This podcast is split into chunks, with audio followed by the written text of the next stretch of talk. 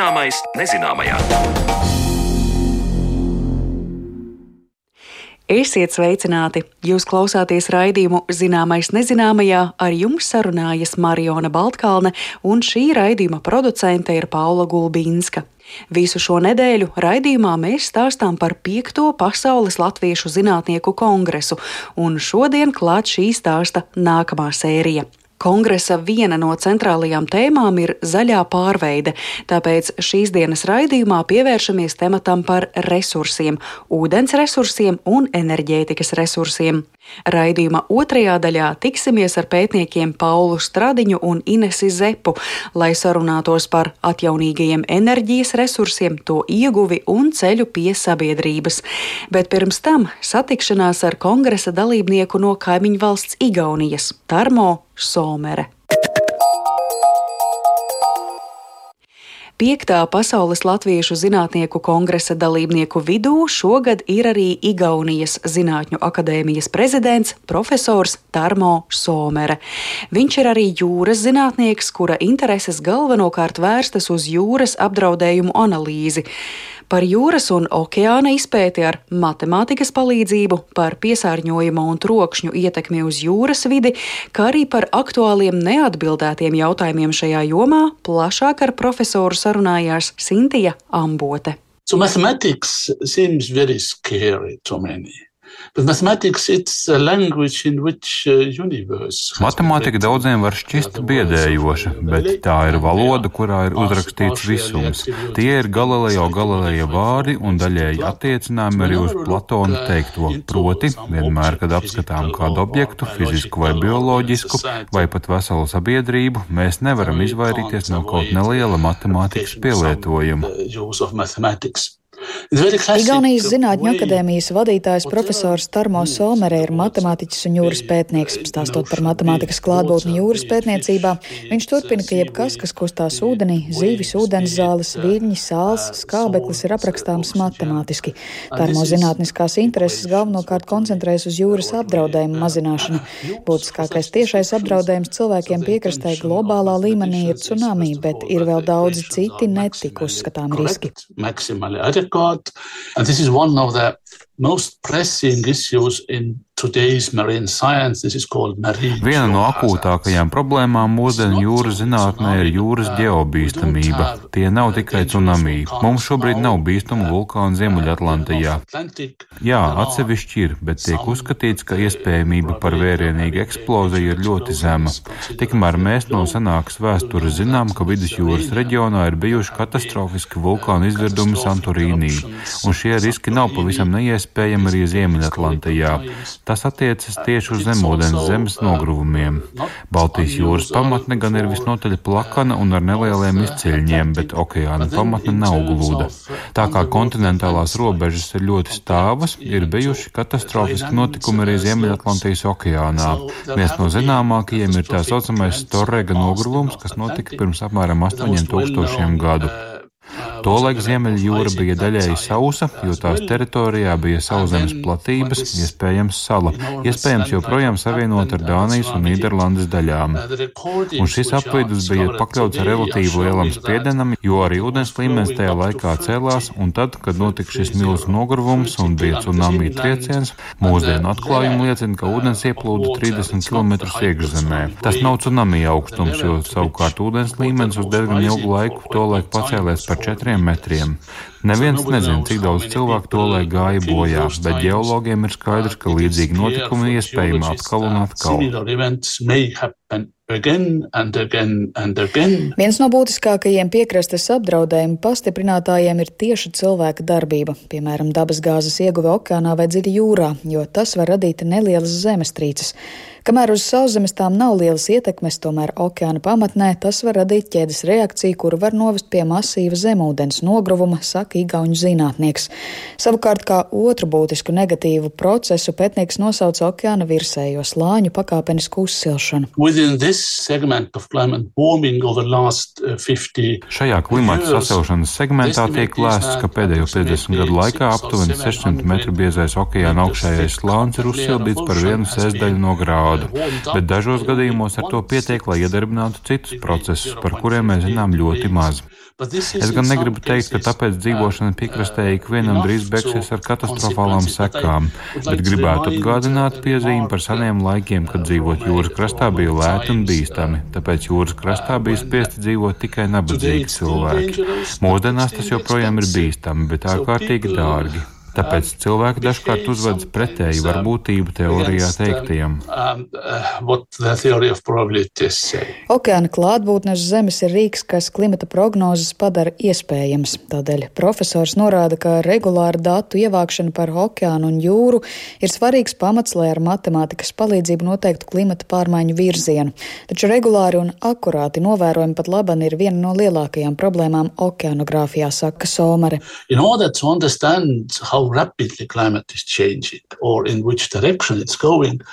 Lai izprastu, cik strauji mainās klimats vai kādā virzienā tas virzās, mums ir nepieciešams daudz vairāk novērojumu nekā šobrīd. Tikai, lai iegūtu kādus relatīvus mērījumus, ja mums ir cikloni kontinentālajā daļā, tad mums pretī ir pāris simti novērošanas punktu zem katra ciklona vai vētras zonas, bet okeānā mums ir tikai viens vai divi mērījumu punkti apmēram desmit līdzīgām struktūrām. Un vēl vairāk virs okeāna okeāna ir neviendabīgi izvietoti novērošanas punkti. Ziemeļatlantijas okeānā to ir daudz, Baltijas jūrā vēl vairāk, bet Dienvidu okeānā ir milzīgas platības, kur gandrīz vispār nav mērījumu punktu. Tāpēc mums vispirms ir jāmēra vietas, kur iepriekš nav notikuši novērojumi. Piemēram, Arktikā zem ledus mēs īsti nezinām, kas tur notiek. Mēs varam domāt, ka zinām, bet patiesībā nezinām. Okeāna procesa prognozējamība kļūst labāka tikai tad, ja mums ir daudz vairāk datu. Okeāna pētnieku aprindās esot sapnis arī izveidot vienotu struktūru, ko sauc par digitālo okeāna dvīni, kas būtu pieejams visu zinātnieku datoros. Savukārt runājot par lokālu mērogu, tad tieši Baltijas jūru pētnieks sauc par lielisku laboratoriju, jo jūra ir salīdzinoši jauna. Pēc tās esošās formas un funkcionalitātes tā ir vien ap desmit tūkstoši gadu. Salīdzinot ar citām jūrām un okeāniem, Baltijas jūra ir jaundzimušais, ko apliecina vairāki faktori. Baltijas jūras ekosistēma ir diezgan diezgan nabadzīga, mums nav ļoti liela suga daudzveidība un dzīves apstākļi zivīm, jūras zālēm un citiem organismiem Baltijas jūrā ir ļoti sarežģīti, skaidro pētnieks. Sense, uh, Baltijas jūras uh, ekosistēma ir ļoti trausla. Mēs nezinām, kā tā funkcionē un kādi ir tās limiti un cik lielu slodzi tā var panest. Tāpēc daudzi centieni Baltijas jūras zinātnē ir vērsti šajā virzienā, lai saprastu, kā darbojas ekosistēma un kāda kāda ir tās vērtība, un novērtēt ekosistēmu pakalpojumus, par kuriem mēs pārāk daudz līdz šim nedomājām. Tas, kas ir vispārīgs lielajam okeānam, tomēr var būt diezgan koncentrētā veidā Baltijas jūrā, piemēram, eitrofikācija. Pārāk daudz barības vielu mēs dāsni sniedzam jūrai caur upēm, tāpēc jūras ekosistēma būtībā pelda barības vielas upā, bet sugas, kas var tālāk izmantot šīs uzturvielas, dažkārt rada negatīvu iespaidu uz cilvēkiem, piemēram, toksisku aļģu ziedēšanu ēdēšanu un tam līdzīgi. Kā vēl vienu būtisku slodzi uz Baltijas jūru, zinātnieks mina zemūdens trokšņu intensitāti.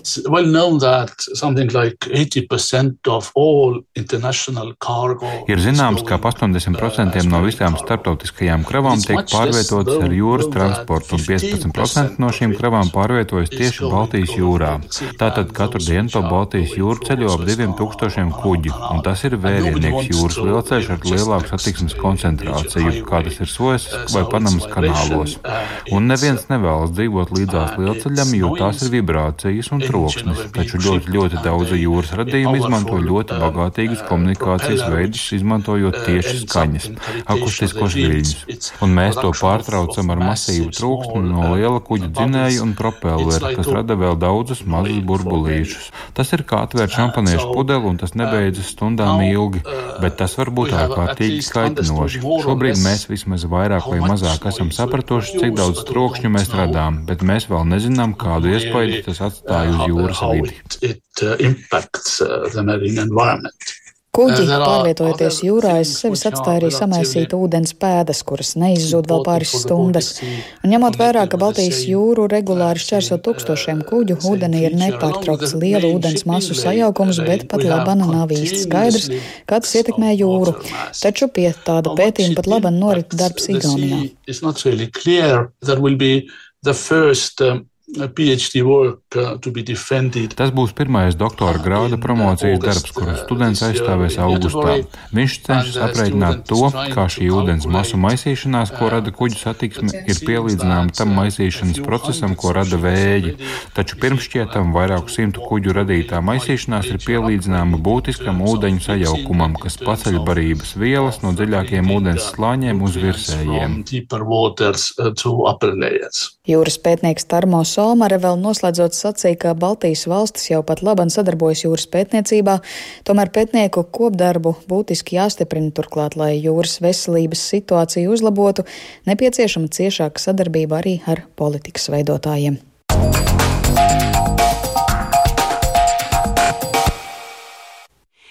Paldies kolēģei Sintijai Ambotei. Tā bija saruna ar Igaunijas Zinātņu akadēmijas prezidentu profesoru Tarmo Somere. No ūdens resursiem nonākam pie enerģētikas resursiem, un par tiem saruna ar citiem zinātniekiem raidījuma turpinājumā.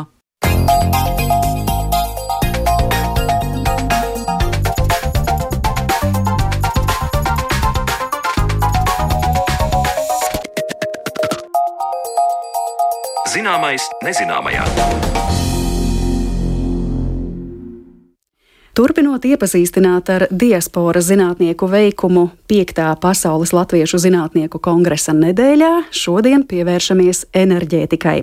Fiziķu radītas inovācijas atjaunīgos enerģijas avotos un sociālo zinātņu pētījumi par to, kur šīs inovācijas nonāk, kādi šķēršļi tām tiek likti un kāda ir institūciju un ģeopolitikas loma, lai mēs varētu apkurināt savas ēkas un tikt pie elektrības.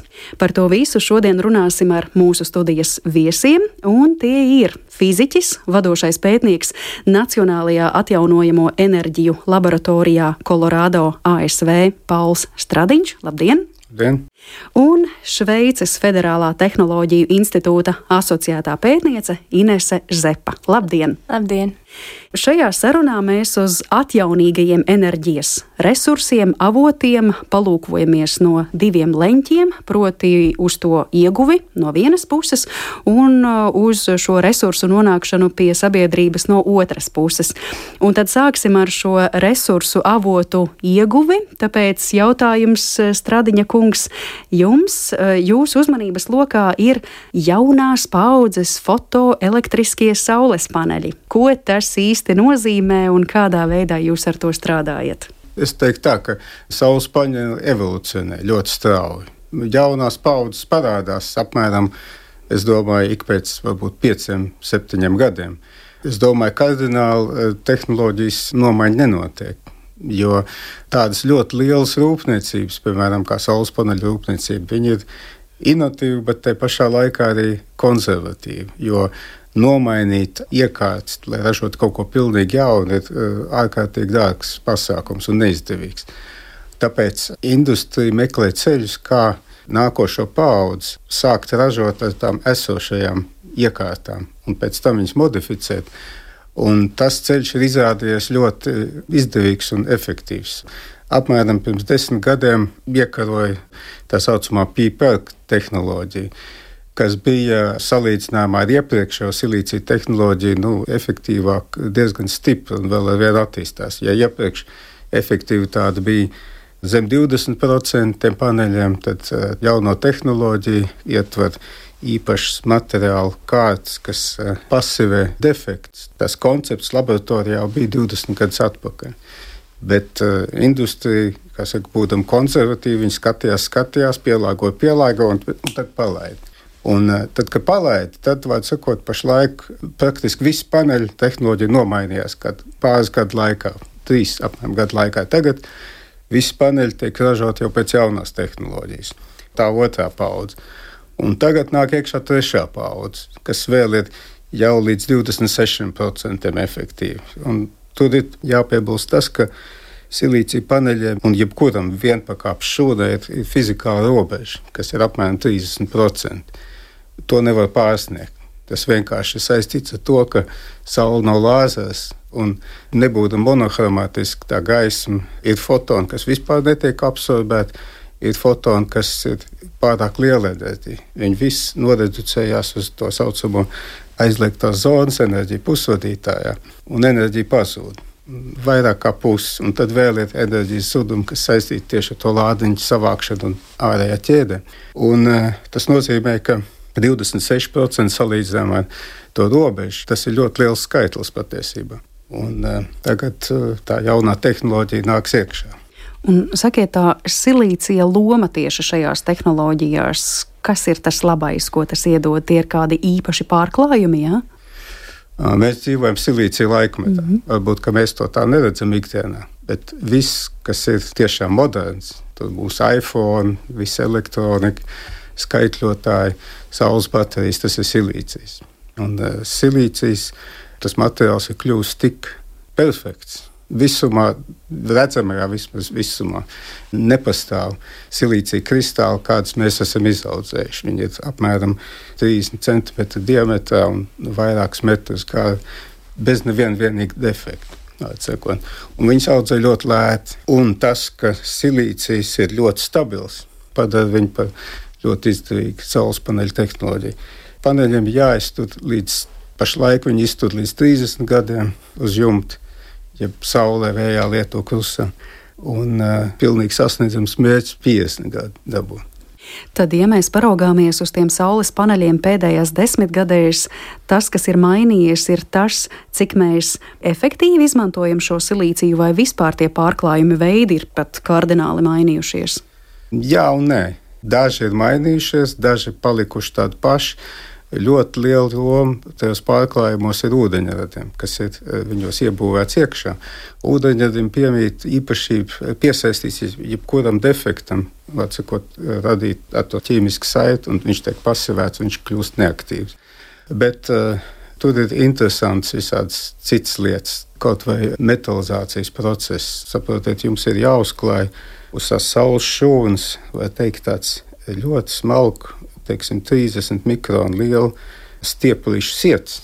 Ar uh, metodi, ko mēs tēkļiem taisām tos zīmējumus, ar sirdspiedu vārdu. Viņi sirdspiedu, viņi izspiež to. Ir tādas īpašas uh, pastas, metalizētas pastas. Viņas jūs uzliekat, uh, uzprintējat uz tās saules šūnas, tad viņi tiek īpašā veidā ļoti ātri izkarsēt uz 800 grādiem, kā dažas sekundes laikā un atpakaļ. Un notiek ļoti sarežģīta un intensīva ķīmija tajā laikā. Tā pasta, var sakot, izēdas cauri tiem dielektriķu slāņiem, kas ir ar to ūdeņu pilnu, kas ir pasavē. Un viņi izēdas cauri, nokļūst līdz silīcijam un rada elektrisku kontaktu. Tā pašā laikā ūdeņrads ar to siltumu impulsu tiek atbrīvots, un viņš ieiet iekšā tajā saules šūnā, nopasevē visus tos defektus. Tas ir viens tikai no piemēriem. Ir vēl citi, kā tā tehnoloģija vispār darbojas.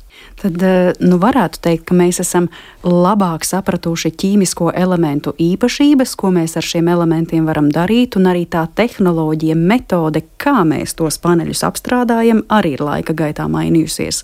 Varētu teikt, ka tā ir tā saules paneļu evolūcija. Jā, viss kopā. Ne tikai īpašības, bet tieši tā miedarbība. Jo saules šūnas uzbūvē jums vajag, nu, protams, industrija cenšas tos mazināt, bet daudz soļus. Pieņemsim, laboratorijā, ja mēs taisām zinātniskā laboratorijā, mums vajag nu, varbūt 15 soļus. Katram solim jābūt perfektam. Ja kaut vai viens izgāžās, tad tā šūna aiziet eh, pa pieskaru. Industrijai tur ir vēl daudz stingrāk. Tie. Viņam jāsamazina to soļu skaits, bet viņam ir jābūt absolūti perfektam, pilnīgi katram ja nokļūst uh, uz saules šūnas viena daļiņa, teiksim, kas satur dzelzi, un tā šūna tiek uzkarsēta, tad tā šūna viņa cauri, tur nekas nav vairāk. Vārds sakot, tiem soļiem jābūt ļoti precīziem un uh, tam iznākumam jābūt 99, kaut kādiem procentiem. Pat viens procents nedrīkst pazust, jo citādāk nav izdevīgi viņus ražot. Man ļoti patika šis vārdu salikums - saules šūna. nu, tā mēs viņu saucam, jā, saules šūna tas ir tas elements, kas pārvērš saules enerģiju elektrībā. Pārējais ir apvalks, vai sakot, tur panelis, tur ir stikls, alumīnijas, tur uh, iekapsulējums, polimēri, lodējumi, tur ir vads, tur ir inverters, kas pārvērš līdzstāvā, maņstāvā, tā tālāk, bet tas ir sekundārs. Primārais ir tas silīcijas tiem slāņiem, uh, silīcijā gaismas, fotoni. Viņi rada lādiņus, un pusvadītāja lādiņa ir divi veidi - pozitīvi, negatīvi. Pozitīvi tie ir caurumi un negatīvi elektroni. Un tad uh, tie slāņi tajā šūnā ir uzbūvēti tā, ka uz vienas puses tai šūnai savācās caurumi. Tā, tā kā var teikt, jums atdosiet elektronu gāzi un caurumu gāzi, vai iedomāties, ir tvaika dzinēja analoģija varbūt. Tikai atšķirībā no tvaika jums ir divu tipu gāzes vienlaicīgi. Un tad tie kontakti ir tā tāds membrāns. Viens izfiltrē ārā caurums uz vienu pusi, otrs elektrons uz otru pusi, viņa aiziet ķēdē un jums rodas darbs. Degtu spūles, griežās kaut kāda motora, mm. kafijas ķirdums mm. vai kas ir. Varbūt jūs varat arī uzbūrt to savu ikdienas darba ainu, lai saprastu, kā šie ķīmiskie elementi savā starpā draudzējas, kā tie beigu beigās uzvedīsies eh, kopā atrodoties šajā saules panelī, kā jūs to ikdienā testējat. Nu, mēs cenšamies radīt uh, tādus bišķi jaunus konceptus, teiksim, kas iet pa priekšu tai tehnoloģijai, kas jau ir un varbūt pat tai, kas jau tūlīt būs. Mums vajag iet tālāk. Tur ir vairāk aspektu. Viens ir tieši tas analītiskais aspekts, lai, piemēram, atrastu, kas tajā saules šūnā notiek slikts. Var rasties defekti. Defekts var kaut kādā veidā izmērīt, noteikt un identificēt. Bet eh, problēma ir tāda, ka tās saules šūnas ir kļuvušas tik jutīgas un tas silīcijas ir tik augsts kvalitātes. Tad kā tik šausmīgi mazs daudzums, 10,9 uz kubikcentimetru, mēs varam detektēt? Nu, mēs lietojam elektromagnētisko rezonanci. Tā ir ļoti jutīga metode, bet vienalga jāatdzesē līdz krievgaidām temperatūrām, teiksim, 10 kelvinu Un tad tos defektus var redzēt. Viņi parādās. Katram ir savs noteikts pirkstu nospiedums. Tad viņus var identificēt. Tas ir viens, bet uh, tas ir tā, nu, kas ir slikts. Ja, mums ir jārada kaut kas labs, teiksim, kas, kaut kas jauns. Ja tad es saprotu, jūs esat iesaistīts gan tajā risku paredzēšanā, gan arī tajā praktiskajā testēšanā. Tā sanāk, vai ne? Nu, tā ir kā ir. Nu, tā praktiskā testēšana, mēs to varam darīt tādā eksperimentālā šūnas līmenī. Mēs uztaisām mm. nelielu šūnu, tur vairākas, teiksim, ja, daudz tās šūnas, mēs viņus notestējam. Mums ir uh, mūsu laboratorijā speciāla saules šūnu certifikācijas grupa, kas certificē jebkuru saules šūnu un paneļu, kas nāk iekšā gan no komponentiem, gan to, ko mēs radām paši. Tad ir arī grupa, kas ieliek tās šūnas iekšā modulī. Nu, mēs saucam viņu par moduli. Tas ir panelis patiesībā, teiksim, stikls, kapsulāns. Un tad tas tiek pakļauts vairākiem testiem ir tāds, pieņemsim, hot damp tests, vai kāds karstuma mituma tests, kad viņš tiek 85 eh, grādu temperatūrā, 1000 stundas tur tvaicēts.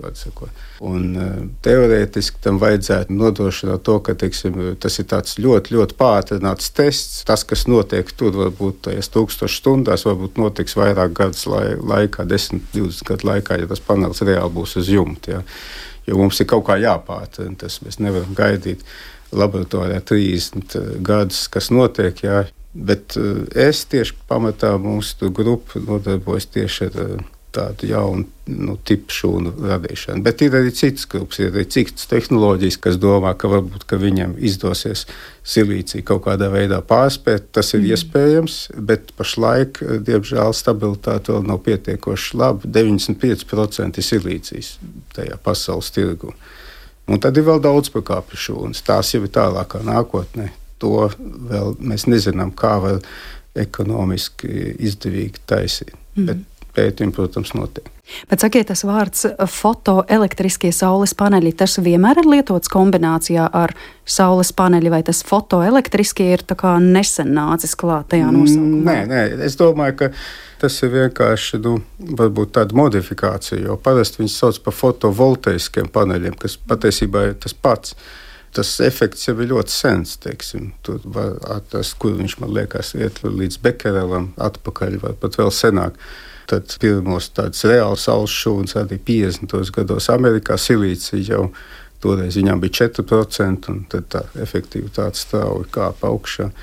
Bet uh, tā ideja, ka vienkārši gaisma tiek pārvērsta elektrība, tā ir tā pamatīdeja. Tā jau ir tā paliek. sena. Mm -hmm, jā. jā. Mm. Inesē, turpināsim ar jūsu stāstu, jo jūs eh, šo Stradiņkungā aprakstīto procesu pētāt no mazliet citas puses, kā šīs inovācijas, šīs un iespējams arī citas atjaunīgo resursu jomā nonāk līdz sabiedrībai. Mm -hmm. Jautājums, kāda loma šajā visā ir politikai, iespējams, vēl kaut kam citam? Kā tas viss savienojas starp cilvēkiem un zinātniskajām institūcijām? Jā, es vēlētos paturpināt vienu Paula izteikto domu par to, ka tehnoloģijas attīstās tādā evolucionārā veidā, un tam ir, protams, priekšrocības, bet tam savā ziņā ir arī trūkumi. Tādā ziņā, ka, teiksim, šobrīd mūsu sabiedrība, mūsu ekonomika ir veidotas balstoties uz fosilajiem pārsvarā energoresursiem attiecīgi, lai ļautu nišas tehnoloģijām, kas ir saule, vējš, citas inovācijas, ielausties šajā sistēmā, ir nepieciešams konkrēts pārmaiņas, teiksim, jauni politiski atbalsta mehānismi, ekonomiski atbalsta mehānismi, pārmaiņas sabiedrībā, kā mēs strādājam, kā mēs pārvietojamies, kā mēs patērējam elektroenerģiju. Un šīs pārmaiņas ir ļoti grūtas tieši tāpēc, ka viss jau ir veidots pakļaujoties šīm esošajām tehnoloģijām. Un tad tas jautājums, pie kā mēs strādājam mūsu izpētes grupā, ir, kā to mainīt. Jo mums ir jau kaut kādas tehnoloģiju iestrādes, ir vējš, ir saule, tiek veiktas jaunas inovācijas, bet jau ar esošajām tehnoloģijām mēs teorētiski varētu sasniegt tālākus mērķus, bet tas nenotiek tik ātri, kā to gribētos. Tad jautājums ir, kā šajā esošajā sistēmā ieviest politiskās institucionālās pārmaiņas, lai to procesu pātrinātu ņemot vērā arī tos mērķus, kas šobrīd ir nosprausti, teiksim, Eiropas Savienībā ar Eiropas zaļo kursu, kā tad mēs līdz tam varam praktiski nonākt. Kas ir visgrūtākais šajā procesā? Jo mēs zinām, ir pieņemtas kādas nostādnes, ir politikas, ir institūcijas, ir galu galā šīs inovācijas, kas mm. tiek radītas. Kas ir tie lielākie šķēršļi, lai to visu savestu kopā tagad līdz reālam patērētājiem? Man šķiet, pirmā lieta ir tā, ka mums ir jāsalāgo tomēr ļoti dažādi mērķi. Jo skatoties uz enerģētiku, mums viens mērķis ir enerģētikas drošība, kas ir īpaši šobrīd uh, traģiskā kara Ukrainā kontekstā sāsinājies jautājums, bet vienmēr ir bijis aktuāls. Otrs ir ilgtspēja, kas ir šis jaunais mērķis. Un trešais ir, protams, arī tas, lai enerģētikas resursi būtu pieejami cilvēkiem. Un uh, sociālajā zinātnē to sauc par tādu enerģijas trilēmu tik dilēma, bet ar trīs uh, aspektiem. Nu, lūk, tie ir tie trīs aspekti, kur mm -hmm. ir mhm. jāsalāgo ar visām tām politikas atbalsta uh, vienībām, kuras mēs cenšamies ieviest. Un tas uh, interesantais tajā ir tas, ka atjaunīgie energoresursi savā ziņā spēja nodrošināt visas šīs trīs prioritātes. Jo, teiksim, skatoties šajā kontekstā, atjaunīgie energoresursi mums palielina enerģētikas neatkarību, attiecīgi drošību, viņi ir zaļi un arvien vairāk viņi ir arī cenu ziņā izdevīgi. Līdz ar to tas ir tāds veiksmīgs solis, kā to var realizēt. Un tad tas jautājums, kāpēc tas ir tik grūti, manuprāt, ir tas, ka no politiskā viedokļa skatoties, ir grūti salāgot to, lai visi atbalsta mehānismi, visas politikas plānošanas prioritātes tiešām skatās tajā vienā virzienā. Un varbūt tāds konkrēts piemērs ir, ja mēs skatāmies uz vēja enerģiju. Valstī var būt nosprausti mērķi, ka mēs vēlamies attiecīgo jaudu ar vēja enerģiju, un, teiksim, ir um, atbalsta mehānismu uzņēmējiem, bet te pašā laikā ir noteikumi valstī attiecībā uz teritoriju plānošanu, uz būvatļauju saņemšanu. Ir cilvēki, kur nevēlas vēja ģenerators tuvu savām mājām, kas rada attiecīgi cita veida problēmas. Un šis viss kopums, lai arī ir tas mērķis un arī ir tas vēlamais atbalsts, savā ziņā bloķē to uh, procesu uz iznākumu un salāgot to, lai tas viss strādā vienā virzienā. Arī no blakus jomām, jo, teiksim, vēja enerģija ir ierobežojama arī no drošības skatu punkta. jo NATO ir drošības sistēmas, pretkaista aizsardzības sistēmas, kurām vēja ģeneratori var vietām traucēt. Un tad visu šo savest kopā, kas sevi ietver ļoti daudz dažādas spēlētājas, institūcijas, organizācijas, tas man šķiet tas lielais izaicinājums. Jā, un tas liek uzdot jautājumu, vai jau kad būs iespējams panākt to, nu, ka mēs visi to tā vienādi lietojam, vai ne? Jo šeit ir, kā jūs jau minējāt, aizsardzības aspekts, tad arī tīri tādas eh, cilvēku individuālas vēlmes, vai es to mm. gribu, vai es to negribu. Bet, ja mēs vēl pieskaramies tieši ekonomiskajam aspektam, eh, cik vispār vienlīdzīga ir šādu resursu sadale atjaunīgo resursu ziņā, teiksim, vai visi varētu tikt pie saules paneļiem vai pie vēja resursiem, jo ir jau arī reģioni pasaulē, kur luksus vien ir pats fakts, ka tev ir mobilais telefons un ka tu to vispār kaut kur vari uzlādēt. Kā jūs to redzat? Jā, nu viens ir tas, ka mums nav variantu. Man šķiet, pandēmija arī ļoti labi parādīja to, ka situācijās, kurās nav variantu, tiek rasti risinājumi diezgan veiksmīgi. Līdz ar to lielā mērā tas ir jautājums, manuprāt, par, jā, par politisko gribu un par to, vai tiešām ir jānonāk katru reizi ārkārtas situācijā, pirms notiek tādas tiešām fundamentālas pārmaiņas. Un, jā, pasaulē ir daudz dažādas valstis, prioritātes, ekonomiskās vajadzības, geogrāfijas, uzliktie, nospraustie noteikumi, robežas. Nu jā, es domāju, arī reģioni, ja mēs paskatāmies Eiropa un Āfrika, vai ne? Jā. Atjaunojamie resursi, kā tas iet roku rokā ar tik, nu, es teiktu, visai atšķirīgiem reģioniem. Jā, un ir tāds um, pētniecībā koncepts, um, angļuiski viņi sauc economic leapfrogging, kas nozīmē, ka būtībā valstis, kurām vēl tāls ceļš ejams, lai sasniegtu, teiksim, Eiropas ekonomikas attīstības līmeni, ka viņas varētu neiet cauri visam tam procesam lineāri, kā notika Eiropā, caur fosilajiem uz atjaunojumiem, bet ka viņas uzreiz sāk lietot tās jaunās tehnoloģijas, kas varbūt tiek pielāgotas viņu vajadzībām, kas ir attiecīgi ekonomiski arī izdevīgas. Un tas jautājums ir, tad, kā var šīm valstīm palīdzēt tika veikt to lēcienu no tā, kur viņas ir tagad, uzreiz uz to tehnoloģisko līmeni, kas ir mūsu vajadzībām arī globāli klimata pārmaiņu kontekstā nepieciešams. Tā ir tāda ātra evolūcija, jā, nevis tāda lēna rāpošana. Jā? Tā, jā. Bet, ja par fosiliem resursiem, nu kā jūs raugāties, vai mēs nākotnē bez tiem pilnībā varēsim iztikt? Un, protams, te nav stāsts tikai par Āfriku, bet, piemēram, arī par mūsu pašu Eiropas reģionu, Polija, ja, kura tik daudz Jā. runā par oglēm kā par savu resursu. Indija vēl viens tāds mm. tipisks reģions. Nu, lūk, atkal kara rezultātā, piemēram, no vienas puses tas uh, radīja tādu pātrinātu soli uz atjaunojamajiem resursiem, no otras puses tiešām ir valstis kā Polija un Vācija, kas nedaudz sāk skatīties tā teikt, atpakaļ.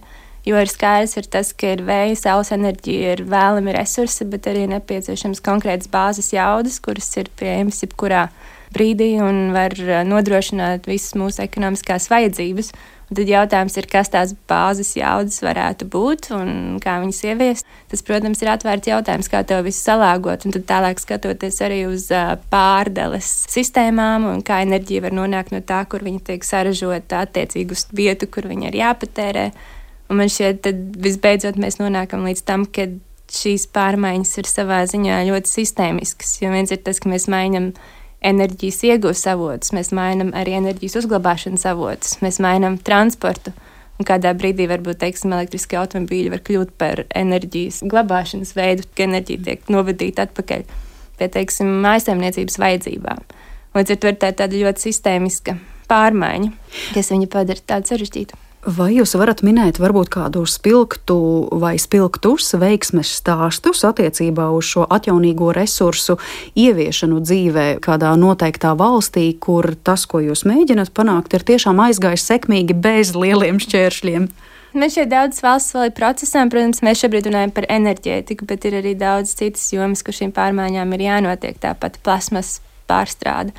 Un uh, plasmas lietošana gan uh, apģērba ražošanā, gan tehnoloģiju ražošanā, gan daudzajos pielietojumos, kur tas tiek lietots, kur šobrīd tiek runāts teiksim, par uh, plasmas dažādiem pārstrādes veidiem, mehāniskiem, ķīmiskiem, tajā kā šie plasmas atkritumi tiek uh, šķiroti pāri robežām. Bet par tādiem veiksmes stāstiem runājot, manuprāt, mēs esam tādā ceļa sākumā. Un, lai tiešām viņus par tādiem veiksmju stāstiem uzskatītu, ir jāpēt nedaudz laikam. Arī attiecībā uz transportu un citām jomām. Es varu piebilst, ka veiksmes stāsts noteikti ir Kalifornija. Viens no Kalifornijas, kā zināms, ir piektā pasaules spēcīgākā ekonomika, tūlīt pēc Vācijas un virs Francijas. Un, uh, viņa ir ieviesusi tik intensīvu saules enerģijas izmantošanu, ka noteiktos laika nogriežņos ir viss ražots pilnīgi atjaunojami. Ir jau reģistrēts pagājušo gadu, man liekas, pirmo reizi jau dienas vai nedēļas bija, kad sakot, nu, nebija jāizmanto gāzes nemaz vispār enerģijas ražošanai, viss štāta mērogā. Jā. Ķīna ir ieviesusi ļoti agresīvu un ļoti veiksmīgu saules jaudas. Viņai vislielākās pasaulē atjaunojamās enerģijas jaudas pašlaik ir kā valstī. Ķīna ir ļoti interesanta kombinācija. No vienas puses, eh, mēs zinām, ka tur ir arī nu, visai liels šis eh, fosīlo resursu patēriņš, vai ne? Bet no otras puses, arī atjaunīgie. Ķīna, es domāju, tālredzīgi skatās uz to, ka viņa ar fosiliem netiks, mm. atsakot, nenodrošinās.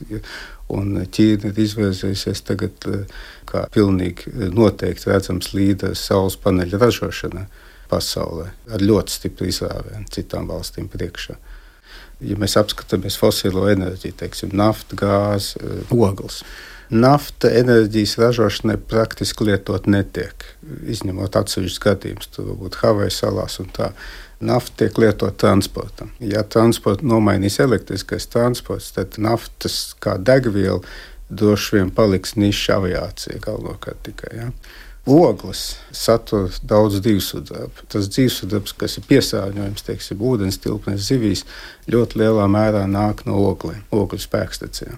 Tāpēc ogļu spēkstacijas, ja viņās tikai neieguldīs milzīgs līdzekļus, lai dabūtu visus tos skaitīgos izmešus ārā, ieskaitot tos metālus, un, protams, vēl piesaistīt CO2, kas ļoti dārgi izmaksās, es domāju, ka ogles droši vien eh, nezvai tiks izmantots paliek gāze. Gāze ir ļoti efektīva. Gāzes turbīnas ar kombinēto ciklu, kas ir gāze plus tvaika turbīnas, ļoti efektīvas. Tās iespējams, ka kaut kādā formā paliks, bet redzot problēmas, kas mums pašlaik rodas tieši ar gāzi, iespējams, ka negribīgi, bet nāksies no tā arī kaut kādā veidā atteikties. Tad uh, alternatīva tikai kodola enerģija. Un kodola enerģija tagad ļoti strauji attīstās, tie modulārie reaktori notiek, bet uh, par tiem daudz kas tiek runāts. Bet tomēr darbojošais modulārie reaktori praktiski ļoti maz, tikai Ķīnā un Krievijā. Tā kā mums vēl atliek tikai redzēt, kā tas viss attīstīsies. Tur ir problēmas ar degvielu, kas dažreiz jābūt ļoti bagātināta urānam, kas ir bīstami. Tad ir uh, problēmas ar to, ko to izdegušo degvielu pēc tam darīt nodrošināt drošību. Nu, un tā tālāk, un tā tālāk. Un arī, protams, tas, ka kodoldegviela ir ierobežots resurss, kamēr atjaunojama enerģija tā ir tāda plūsma kas vienkārši eksistē. Starp citu, vēl par eh, ekonomiskajiem apsvērumiem runājot, eh, Stradiņkungs, tas process, ko jūs pirmīt aprakstījāt, šī inovāciju attīstība, tas, piemēram, ir arī ietekmējis eh, šādas saules paneļu izmaksas? Kā? Noteikti, jā, pilnīgi noteikti. Tur ir vairāk faktori vienlaicīgi. Galvenokārt divi. Ir inovācijas un ir masveida ražošana. Katrai tehnoloģijai piemīt tā saucamā learning curve, jeb uh, mācīšanās, mācīšanās līkne. Jā. Tā mācīšanās līnija nosaka, cik daudz samazinās maksa vai cena tam produktam, ja viņa ražošana tiek palielināta divreiz, trīsreiz, desmitreiz. Ja? Un saules tehnoloģija tā līnija ir tāda, ka nu, desmit gadu atpakaļ, kad parādījās tā cena, viens dolārs par vatu, tad viss bija sajūsmā. Jau likās, ka tas ir mērķis, ko mēs esam vispār sapņojuši, gājuši. Un viņš parādījās, tagad ir 30 centi par vatu. Un tas notiek kombinācijā ar to, ka tehnoloģijas attīstās, attīstās, attīstās bet arī tīri tā ražošanas masa, ražojot lielos apjomos, izmaksas krītās. Un, e, Mums tagad ir pašlaik maksimālās jaudas saules paneļiem visā pasaulē pārsniedz 1 teravatu. Tas ir 1000 gigawatu. Gigawats ir tāds liels spēkstacija. Tad uh, prognozes ir tādas, ka teiksim, līdz 2050 gadam tas e, apjoms desmit karšosies. karšosies. un tad arī izmaksas. Tad tā, tās izmaksas uh, kritīsies apmēram trīsreiz Nu, redz, te mēs redzam tiešu saistību. Bet, ja es varu piebilst, līdz tas noteikti no politikas viedokļa ir interesanti, ir tas, ka ir atbalsta mehānismi, teiksim, piemēram, saules paneļu uzstādīšanai privātmājām. Mm -hmm. Bet šie mehānismi jau savā ziņā pieņem to, ka privātmājas iedzīvotājiem ir kaut kāda pamata uh, iespēja investēt pamatsummu šajā tehnoloģijā, saņemt papildus atbalstu un ilgtermiņā ietaupīt uz izmaksām. Un tad tas jautājums ir, kā var nodrošināt, ka šīs iespējas ir pieejamas arī, teiksim, mājasēmniecībām, kurām nav iespējas veikt šo pirmo iemaksu. Jo savādāk, kas notiek, ir, ka šī plājas starp cilvēkiem kļūst lielāka, jo tie, kas var to atļauties, viņi ilgtermiņā iegūst un spēj arī ietaupīt uz energoresursiem. Savukārt cilvēki, kuri nevar, viņiem šīs izmaksas arvien vairāk pieaug, un tam tad ir arī sociālās nevienlīdzības sekas līdz brīdim, kad tas tiek atrisināts. Te mēs atgriežamies pie tā iepriekšējā jautājuma, ne, cik tas visiem ir pieejams un pie tās trilemmas, ko jā, jūs minējāt. Jā. Bet, ja mēs runājam par piekto pasaules latviešu zinātnieku kongresu, jūs abi diskusijā piedalīsieties un runāsiet par Latvijas zaļo enerģētiku, tad nu jautājums, vai jūsuprāt Latvijai šajā jomā ir potenciāls?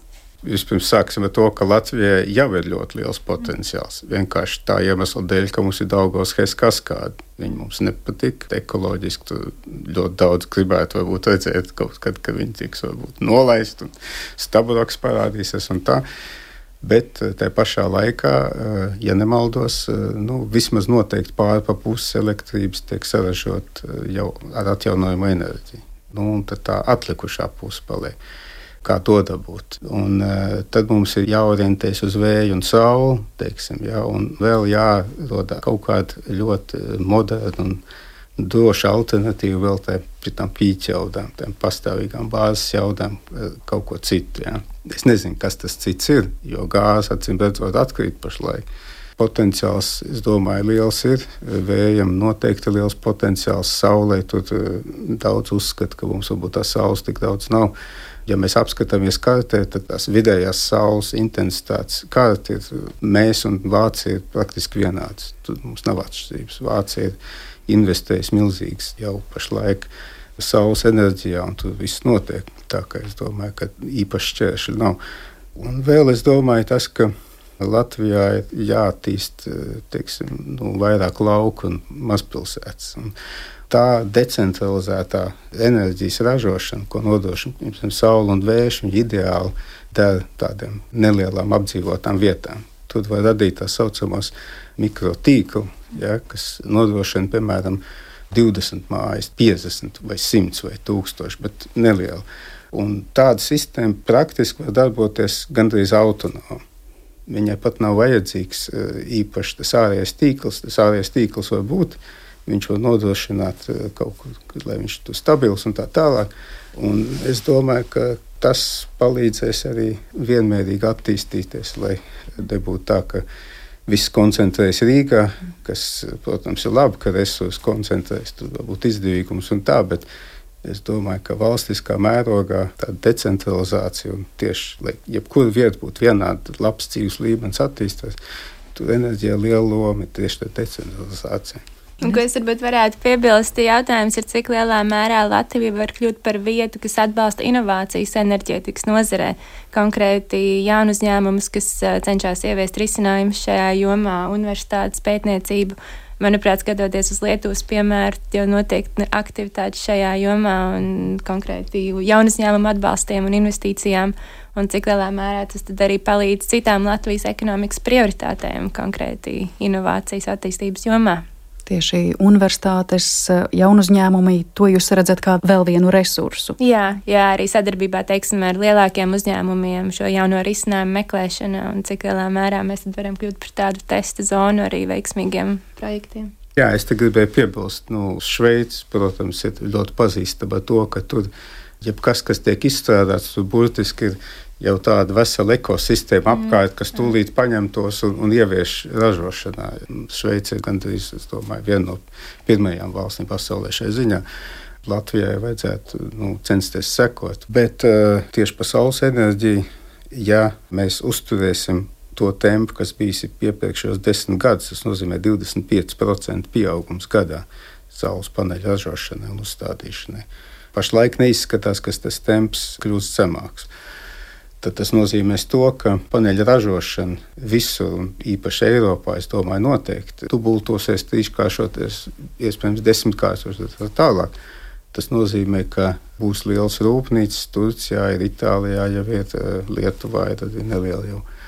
Un tām rūpnīcām būs vajadzīgs eh, augstu kvalificēts darbspēks, un varbūt arī uzņēmēji, kas tās rūpnīcas tieši būvē. Rūpnīcas tiešām būs ļoti lielas.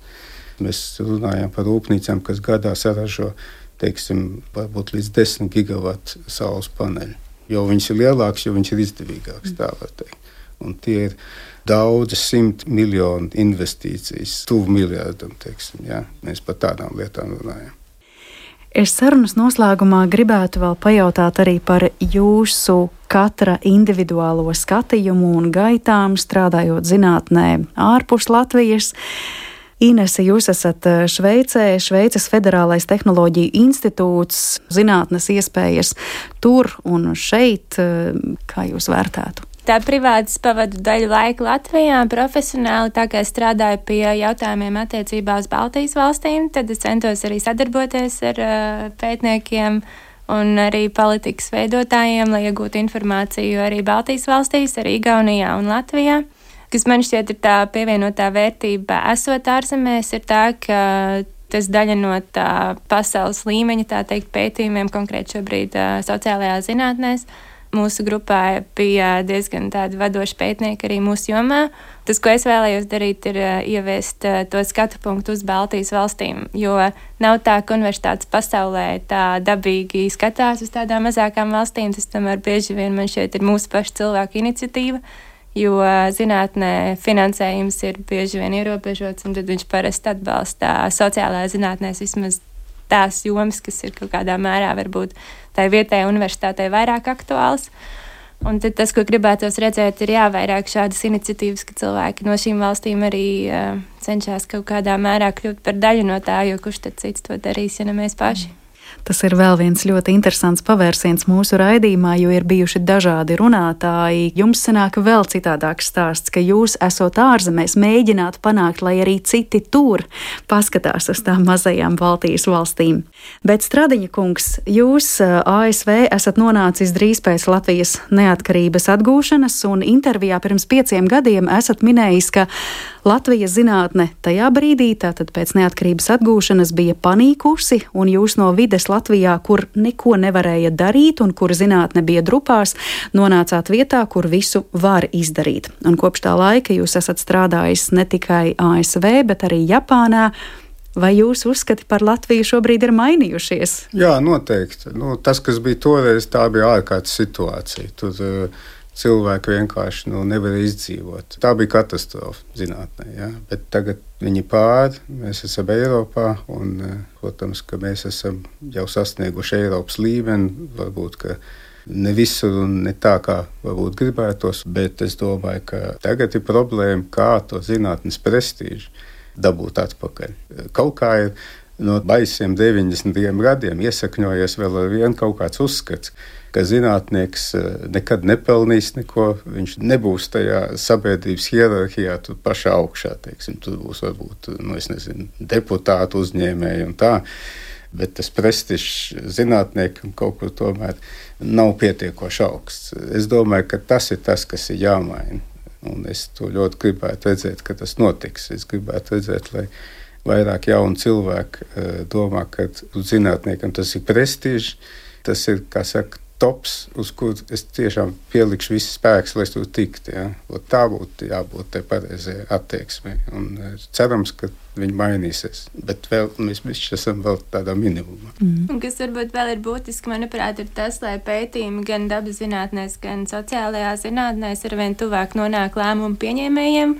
Un lai tie nepaliek tikai publikācijas, kas varbūt apgrozās tādā akadēmiskajā vidē, kad cilvēki viens otru citē un lasa, bet kad, lai samazinātu to plaisu starp lēmumu pieņēmēju to informāciju pieejamu un to, ko dara zinātnieki. Manuprāt, tā ir daļa arī no tā, kā tas var kļūt aktuāls citiem. Un tā ir universāla tēma visās valstīs. Noteikti negribu izstāstīt, ka Latvijā tā ir varbūt problēma, citur nav, bet kopumā pie tā būtu, manuprāt, jādomā. Jā, tā tas ir. Es gribētu te piebilst. Es bieži redzu, kā tie akadēmiskie un tie tīri praktiski tehnoloģiskie uzskati ir savādāk. Akademiskā vidē un teiksim, mūsu vidē. Mūsu vidē jau arī nav. Tā nav ražošana, bet, bet mēs stāvam tuvāk, kā es domāju, te reālajā dzīvē, kas tieši notiks, ja kādas tehnoloģijas nāks iekšā. Akademiskā vide ir ļoti radoša, un studenti strādā mūsu laboratorijā, doktoranti un tā tālāk.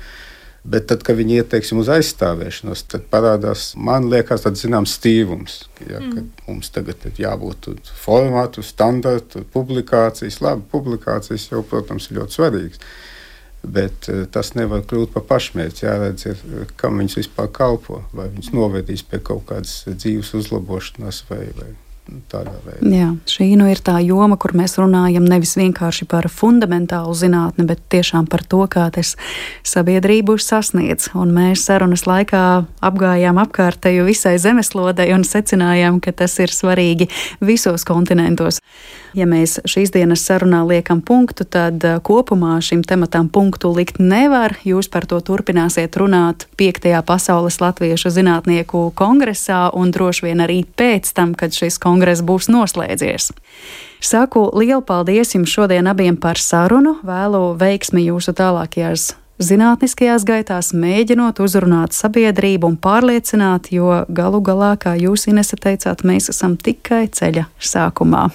Zināmais nezināmajā studijā šodien viesojās Fiziķis, vadošais pētnieks Nacionālajā atjaunojamo enerģiju laboratorijā Kolorādo ASV Pauls Stradiņš un Šveices Federālā tehnoloģiju institūta asociētā pētniece Inese Zepa. Par šo raidījumu gādāja producente Paula Gulbīnska, par mūziku šai stundai parūpējās Girts Bišs, skaņu režijā bija Reinis Budze un pie mikrofona Mariona Baltkalne. Šis nav pēdējais stāsts zinātnieku kongresa nedēļā, tāpēc turpiniet klausīties raidījumu Zināmais nezināmajā un uz sadzirdēšanos pavisam drīz.